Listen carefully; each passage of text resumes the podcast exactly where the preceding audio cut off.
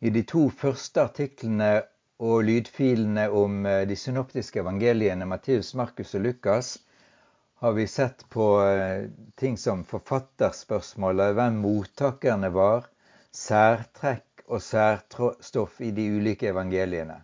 Men det er jo selvsagt Jesus som er hovedpersonen i evangeliene, og dem evangelisten har ønsket, han evangelisten har ønsket å skrive om. Så det er det vi vil gjøre nå i denne tredje artikkelen eller lydfilen. Evangeliene handler om Jesus, har vi satt som overskrift. Selvsagt er Jesus hovedpersonen i evangeliene, som i hele Det nye testamentet. Tar vi refleksjonssitatene i Matteusevangeliet og innledningsordene i Johannesevangeliet om Jesus som det evige ordet med, så kan vi slå fast at disse to evangeliene forteller at Jesus er til stede i hele Bibelen, fra første Moseboks innledning gjennom profetene og alle skriftene. Vi kan som bibelstudenter og teologer bli opptatt av sakene i Bibelen. Vi har allerede sett på slike ting i dette studiet, og vi kommer til å fokusere på mer, slik som Jesu undervisning om endetiden og om misjonsbefalingen. Men det er ikke sakene og diverse interessante spørsmål som er hovedsaken. Det er det Jesus som er. Evangelistene Matteus, Markus, Lukas og Johannes presenterer Jesus for oss. Gjennom alle beretningene gir de oss et klarere og klarere bilde av hvem han er. De gir oss en opplevelse av at Ånden herliggjør Jesus gjennom det de forteller. Vi blir kjent med ham, ikke bare for at vi skal ha kunnskap om hvem han er, men for at vi skal få et personlig forhold til ham, og for at han skal bli herliggjort for oss. Hvordan skriver evangelisten om det? La oss først se på Matteus.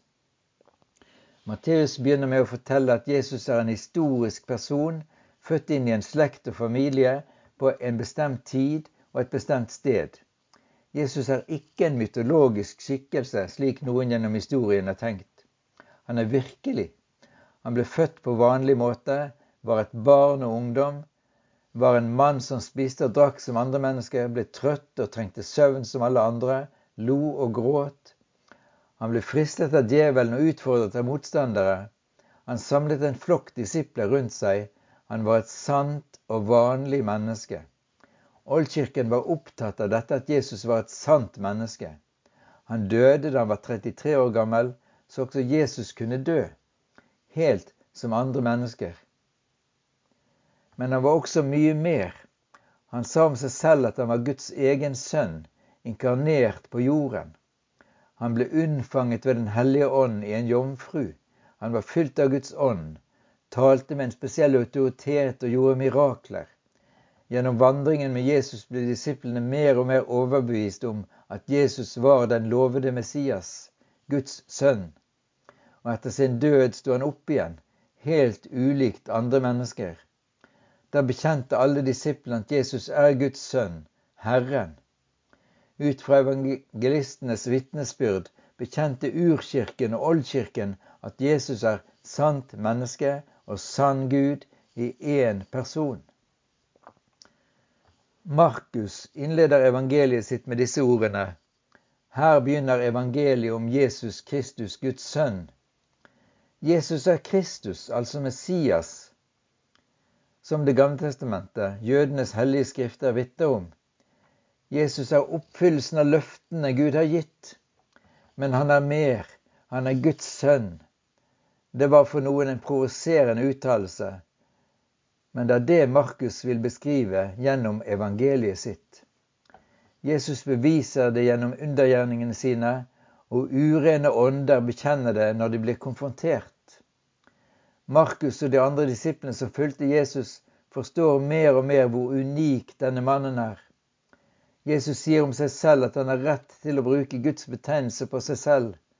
I Markus 6,50 sier han til disiplene, gjengitt på gresk, ego eimi. Det betyr 'jeg er', altså Guds selvbetegnelse. Det blir disiplenes bekjennelse Jesus er Herren. Markus avslutter sitt evangelium slik etter at Herren Jesus hadde talt med dem, ble han tatt opp til himmelen og satte seg ved Guds høyre hånd. 1619. Etter dette gikk disiplene ut og forkynte overalt, og Herren virket med og stadfestet ordet gjennom de tegn som fulgte. Markus fikk erfare at det han trodde på, var sant. Derfor skrev han det ned og forkynte det videre med stor frimodighet. Det var ingen tvil i hans sjel om sannheten om Jesus Kristus, Guds sønn. Lukas innleder sitt evangelium med å skrive om hvor grundig han har gått til verks for å finne ut alt om livet til Jesus. Det er virkelig fascinerende å lese. Lukas begynner med unnfangelsen av Jesus og avslutter med at Jesus velsigner disiplene før han blir tatt til, opp til himmelen. Evangeliet handler om mange ting, men det er alltid Jesus i sentrum. La oss se på de personene vi møter i evangeliet, de som hadde et personlig møte med Jesus. Når disse beretningene ble lest og hørt i menighetene, kunne leser og tilhører kjenne seg igjen. Slik har det vært gjennom hele historien, og slik er det med oss også også. Da Jesus underviste i synagogen i Nasaret, Lukas 4, leste han for profeten Jesaja kapittel 61. Herrens ånd er over meg, for han har salvet meg til å forkynne et godt budskap for fattige. Han har sendt meg for å rope ut at fanger skal få frihet. Alle i synagogen stirret spent på ham, forteller Lukas. Jeg tenker at mennesker som senere hørte disse ordene lest fra Lukasevangeliet, fikk den samme opplevelsen. I synagogen i Kapernaum var det en mann med en ond og uren ånd, forteller Lukas kapittel 4 vers 33 og følgende. Jesus truet den urene ånden, og mannen ble satt fri. Mange steder i verden kjenner folk til urene og onde ånder.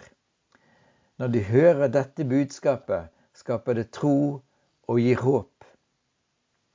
Mennesker opplever på nytt befrielse fra onde ånder i Jesu navn. En spedalsk mann full av sår kastet seg ned for Jesus og ba om helbredelse. Lukas 5, 12 og følgende. Jesus rakte ut hånden og rørte ved ham, så han ble helbredet. Når syke mennesker hører denne og andre historier om at Jesus helbreder, fylles de av tro på at Jesus kan helbrede dem også. Mange har kjent på det samme kallet som tolleren Levi, dvs. Si Matteus, fikk høre fra Jesus. Jesus sa 'følg meg'. Og liksom Levi umiddelbart reiste seg og fulgte Jesus, slik har mennesker senere kjent det at de måtte gjøre. Utallige mennesker har blitt frelst og kommet tilbake til Gud som sin far når de hørte lignelsen om den bortkomne sønnen. Noen kjenner seg igjen i historien om Sakkeus, der Jesus sier i dag er frelse kommet til dette hus. Menneskesønnen er kommet for å lete etter de bortkomne og berge dem. Lukas 19. Andre kjenner seg igjen i kvinnen som fikk syndene sine tilgitt.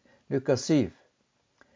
Mange har gjennom historien blitt utfordret av historien om den barmhjertige samaritan, Lukas 10. Hvor mye barmhjertighetsarbeid som er blitt til etter inspirasjon fra denne historien, kan vi bare ane. Evangelietekstene kan berøre oss i dag som de berørte dem som hørte Jesus. De har berørt utallige gjennom 2000 år. Da Jesus avsluttet bergpreken, var folket slått av undring over hans lære for han lærte dem med myndighet og ikke som deres skriftlærde, står det i Matteus 7,28. Da Jesus snakket med Emmausvandrerne, brant hjertene i dem, forteller Lukas i kapittel 24. Ord om oppstandelsen brenner i hjertene på folk i dag også. Møtet med den oppstandende overrasker mennesker i dag også. Da Jesus sa navnet til Maria Magdalena i gravhagen, ble alt forandret for henne Johannes 2011 og følgende. Mange opplever, det som Jesus taler personlig til dem i dag, også når de er i sorg og nød. Evangelien er mye mer enn akademisk undervisning. Det er levende og kraftfull forkynnelse. De gir et møte med Jesus. Mange har hørt misjonskallet liksom Jesus sa det til de tolv apostlene. Gå ut i hele verden og forkynne evangeliet. Ordene er like virkekraftige i dag som da de ble uttalt første gang. Slik fortsetter det helt fram til evangeliene er slutt. Alle mennesker vet at de en gang skal dø.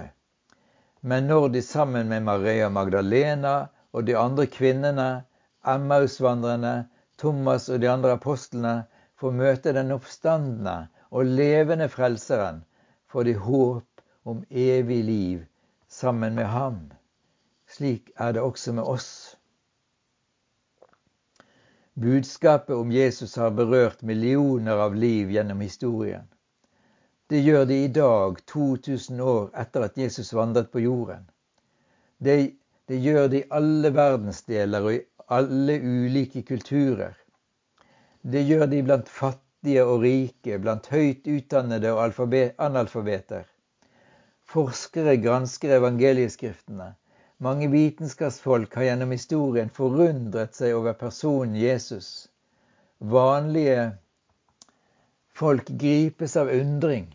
Jesus forandrer livene til mennesker. Noen ble forarget over ting han sa og gjorde, og noen gjør det i dag også. Men faktum er at ingen kommer utenom ham. Så når vi studerer evangeliene, er det for at vi skal bli bedre kjent med Jesus og få et personlig forhold til ham.